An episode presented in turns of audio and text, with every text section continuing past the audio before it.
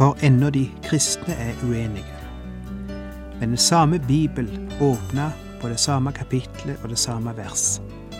Vil en person mene én ting, og en annen forstå det på en helt annen måte.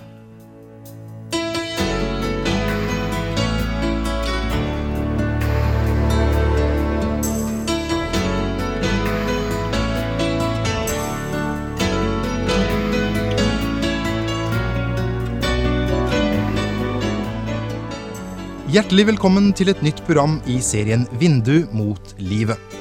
Vindu mot livet er basert på programserien Insight for Living ved Chuck Svindal. Programmet er produsert av Kristen Riksradio og blir ledet av Ola Bjoland.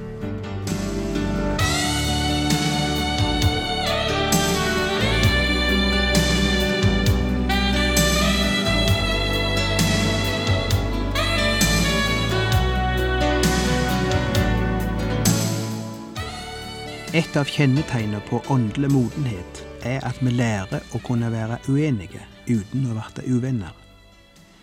Det er noe vi prøver å lære våre barn, men som vi har lett for å glemme når vi blir voksne. For nåden gir også rom for uenighet, uten at det trenger å føre til uvennskap. Det er et prinsipp jeg finner i både Det gamle og Det nye testamentet, blant annet i den fortellingen vi så på sist da Paulus og Barnabas skilte lag etter en vond opprivende strid om strategi og personalbehandling på et årsmøte i Misjonsforeningen i Jerusalem. Det ble en skarp strid, står der, og de skilte lag. Men det betyr ikke at de opphørte å være venner. For seinere ser vi at de omtaler hverandre i rosende vendinger, og at de òg har et åndelig, personlig fellesskap.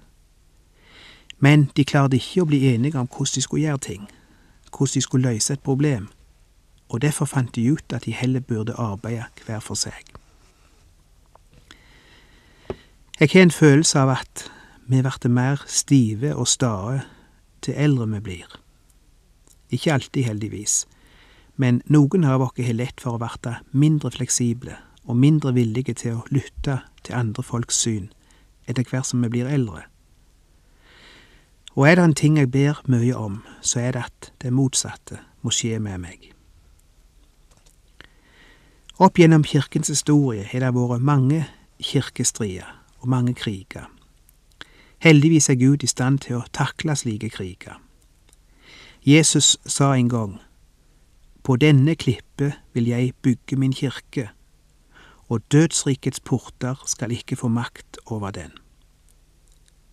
Jeg skal bygge kyrkja, og ingen uenighet eller strid eller splittelse skal noen gang klare å knekke kyrkja mi eller stoppe dens vekst, sier Jesus.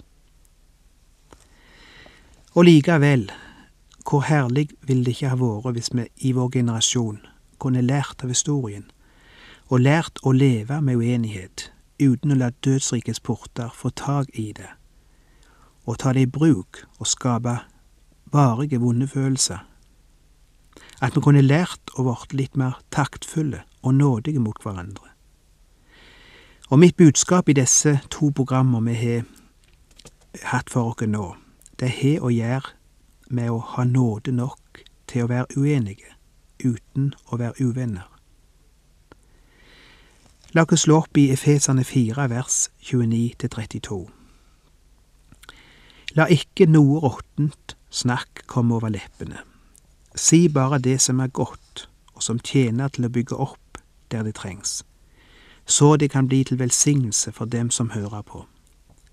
Gjør ikke Guds hellige ånds sorg, for ånden er det seil dere er merket med helt til forløsningens dag. Slutt med all slags hardhet, hissighet, sinne, skrål og spott og all annen ondskap. Vær gode mot hverandre, og vis medfølelse så dere tilgir hverandre slik Gud har tilgitt dere i Kristus. Dette er veldig generelt sagt, det vil si, det sikter ikke på én spesiell situasjon. Det gjelder overalt, i alle forhold. Det er ikke et eneste forhold eller en eneste konflikt dette ordet ikke gjelder. Husk på det.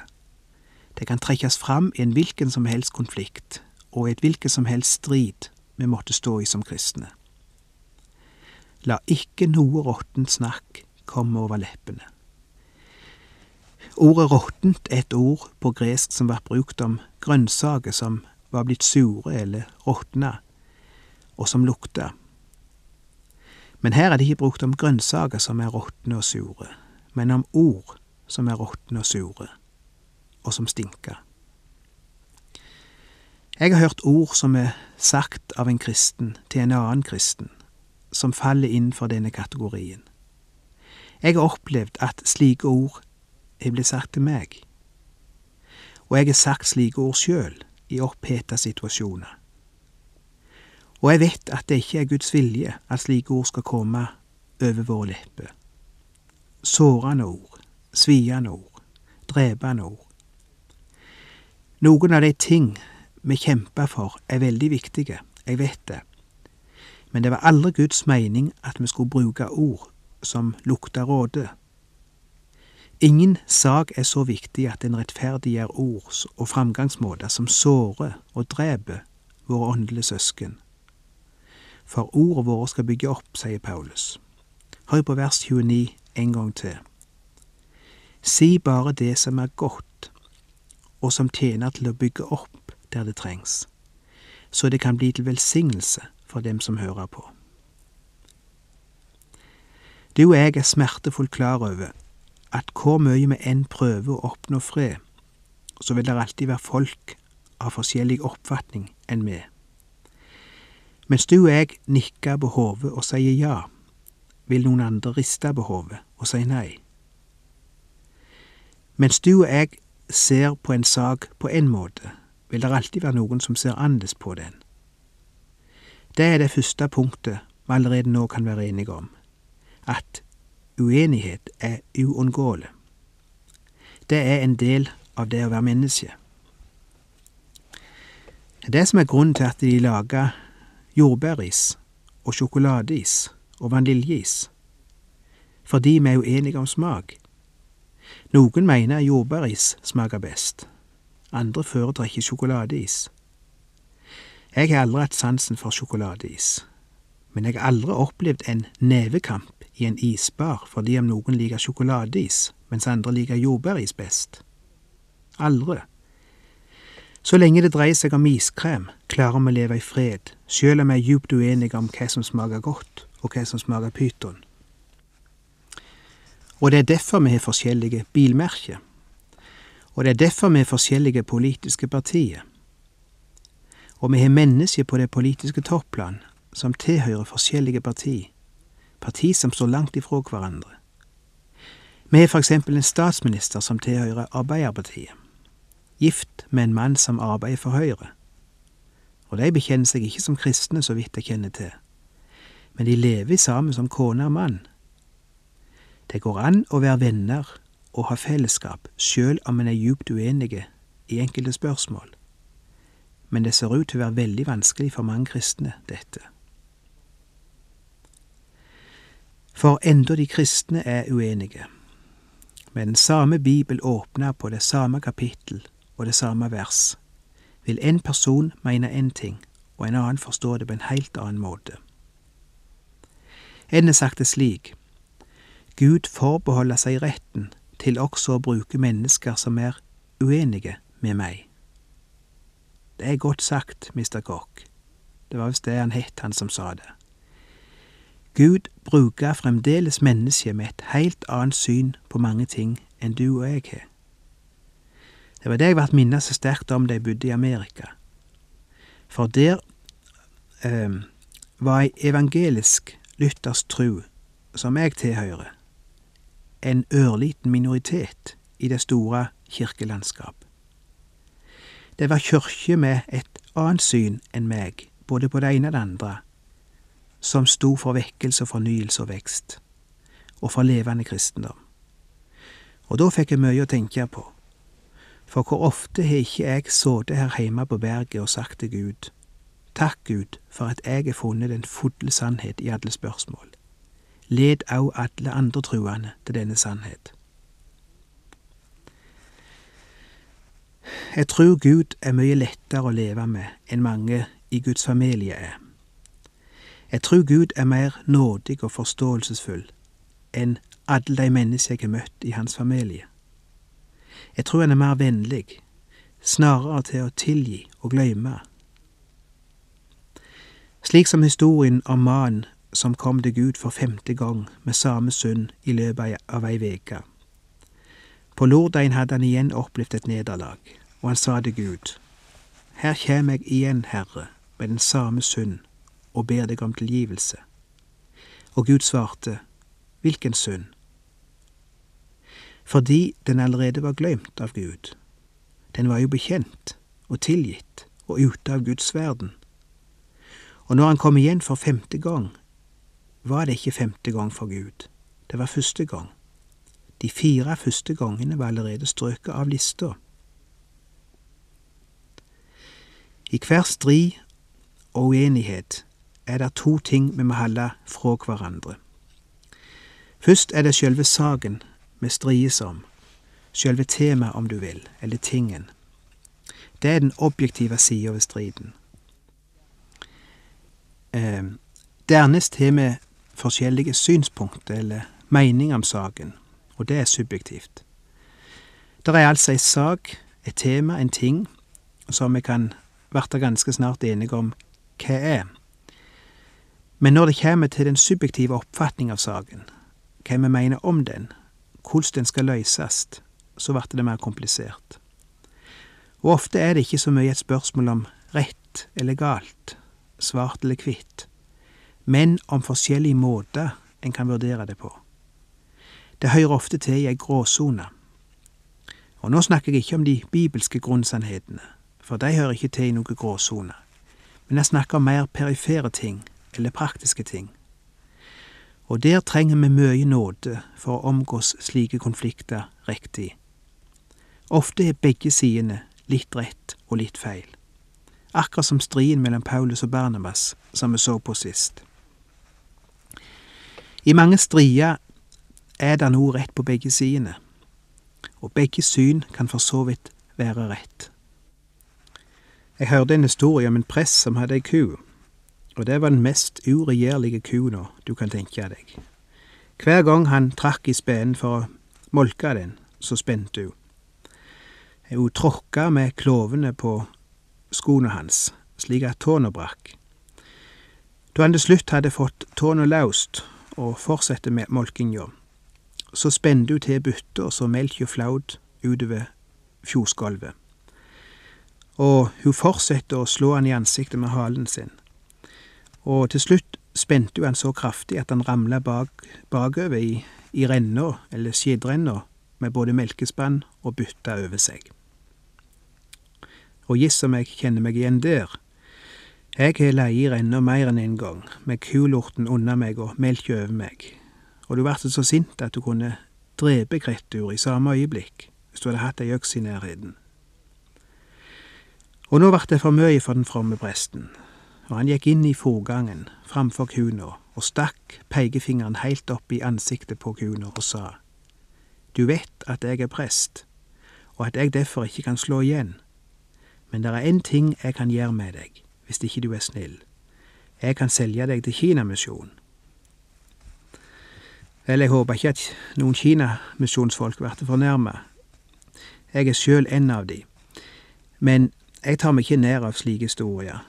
Det vil i så fall være det beste eksempel på det Paulus prøver å advare imot her. Og ja, du vil møte mennesker du er uenige med, iallfall hvis du har noe mening. Men det trenger ikke bety at de har galt, og du har rett. Det kan hende at begge har rett, likså vel som det kan hende at begge har galt. Det kan hende at det har noe rett hver, og kanskje noe galt hver. Vi må slutte å tenke svart-hvitt i alle mulige konflikter og kontroverser. Vi må lære oss å gi rom for andre oppfatninger. Hvis du ikke klarer å gi rom for andre oppfatninger enn dine egne, så vil du ha problem den dagen du får dine egne tenåringer. Kanskje det var derfor noen av dere fikk så store problemer med de. Våre barn, og særlig våre tenåringer, er våre beste lærere her. De har ikke alltid rett, og det er heller ikke jeg. Men jeg lærer ved å oppfostre barn at de er flinke til å få meg til å se ting ifra andre synsvinkler. Få meg til å tenke og å innse at det finnes andre måter å sjå ting på. Det har hjulpet meg i mitt arbeid som prest og forkynner og sjelesørger. Og det har ikke minst hjulpet meg i mitt arbeid, som, i mitt arbeid på styre og menighetsråd og forskjellige komiteer. Og når en uenighet oppstår, la ikke henge hverandre. Jeg mener henge hverandre ut. Det er så mye skittkasting iblant de truende at det er helt utrolig. Det er greit med diskusjoner. Det er helt i orden med uenighet og sterke meningsutvekslinger. Men det er så sjelden vi klarer å la være å treffe våre motstandere under beltestedet. Det er så mange ureine triks, ofte innhylla i åndelige fraser og fine ord. Det er det Paulus kaller råtten tale. Det er når en sier ting på en fromme måte, men så ligger der indirekte og sviende slag i det, slik at orda lukter. Jeg tror mye kunne vært annerledes hvis vi hadde vært på kne framfor nådens trone hver gang vi skulle skrive noe eller si noe imot en kristen bror. At vi kunne la våre ord verte rensa i nåden før de vart sendt ut. Og hvis vi ikke får det som vi vil, hvis vi taper en votering, ok, la oss gå videre og legge det bak oss. For igjen å sitere Chuck Swindal, som jeg også gjorde sist gang. Han talte til sin menighet om nettopp dette, og det hadde vært forskjellige saker oppe den siste tida, blant annet om det skulle kjøpes mer tomt rundt kirka til parkeringsplass, og for det andre om det nye orgelet de skulle kjøpe, skulle være et pipeorgel eller et elektronisk orgel. Et typisk stridsspørsmål i mange kristne forsamlinger. Og enten du tror det eller ikke, så er mange forsamlinger blitt splitta i spørsmål om hva slags orgel som skulle kjøpes inn. Vel, han sier, hvis du ikke fikk det som du ville i spørsmålet om pipeorgel, legg det bak deg og bli ferdig med det, og la oss komme videre. Vi kommer ikke til å fjerne det nye pipeorgelet, samme hvor lenge du går rundt og er såret. Det står der, og det kommer til å stå der. Og likevel holder noen av dere fremdeles på å slåss om det. Det er historie nå. Det er over. Og hvis du ikke er enig i spørsmålet om ny parkeringsplass, hvor den bør ligge, så husk, vi har åpne møter hvor du kan komme og gi uttrykk for ditt syn, og hvor du kan avgi din stemme. Kom på møte, eller ti still. Når du kommer, så snakk. Ikke snakk så mye der ute rundt bilene eller i korridorene. Snakk på møtet. Diskuter det Gi uttrykk for ditt syn. Argumenter så sterkt du kan, og så tar vi avstemning. Og du har én stemme, og jeg har en stemme. Bruk den. Og hvis ditt syn blir nedstemt, bli ferdig med saken. Og hvis du vinner, opptre nådig mot dem som taper. Kanskje ikke bygget fikk et utseende som du likte, Kanskje du ville valgt en annen arkitekt? Ok, men Gud bryr seg ikke så mye om slike ting. Så la oss bli større enn å henge fast i slike ting, nå når saken er avgjort. Somme ganger er uenigheten så stor og så uforenlig at en splittelse er den eneste løsning. Det ble faktisk løsningen på Barnabas og Paulus' strid. De gikk hver sin vei, og av og til må det være slik at hvis du ikke kan leve med det flertallet bestemmer, så må du forlate de og finne en annen plass. Au det er bibelsk, faktisk. Og Gud kan bruke deg på en ny plass, mens han samtidig bruker de du gikk ut ifra. Det er mye bedre å ta et slikt skritt enn å gå omkring blant de truende og holde liv i ei uløselig konflikt i det uendelige. Enten får jeg bøye meg for flertallet, etter vi har hatt en grundig og åpen debatt om saken, eller så må jeg gå. Jeg har mange ganger måttet bøye meg for et flertall i styret som gikk imot mitt syn. Hvor tåpelig det ville være å beslaglegge de tid med å få deg til å lytte til meg mens jeg slikka mine sår og dreiv min undergrunnsvirksomhet, fordi jeg ikke fikk min vilje. Jeg snakket med en prest på telefonen denne veka, en venn av meg. Jeg lytta til han i en halv time mens han betrodde meg den mest korrupte og stinkende historien jeg noen gang har hørt om en kristen forsamling. Det passa seg ikke engang å gjengi offentlig hva som foregikk, og hva han hadde gått gjennom. Alt jeg kunne gjøre, var å be for han. Jeg la på telefonrøret og begynte å grine, fordi denne menigheten var blitt ei slagmark av krangling og beskyldninger og baksnakkelse, og nå klarte ikke presten mer. Han hadde sagt opp. Av og til kan det være prestens skål. Av og til kan det være enkeltmedlemmer i menigheten som er kilden til elendigheten. Av og til enkelte sterke styremedlemmer som elsker å herske og styre og være involvert i alt. Og jeg tror Den hellige ånd gråter. Måtte vi alle komme tilbake til korset. Behøver jeg å minne dere om at der var en frelser som døde på et kors, som sona og gjorde opp for den stygge sida ved oss. Han døde for den, for at vi skulle dø ifra den. Han møter oss med nåde der ved korset, og ville gjerne at denne nåden skulle løse oss, løse oss ifra våre egne vonde følelser. Den kan det, ser du imens spottet ifra spotterne ennå ikke var størkna på ansiktet hans, ba han, Far, forlat de, for de vet ikke hva de gjør. Det er nåde, og den er din. Ta imot den, og bruk den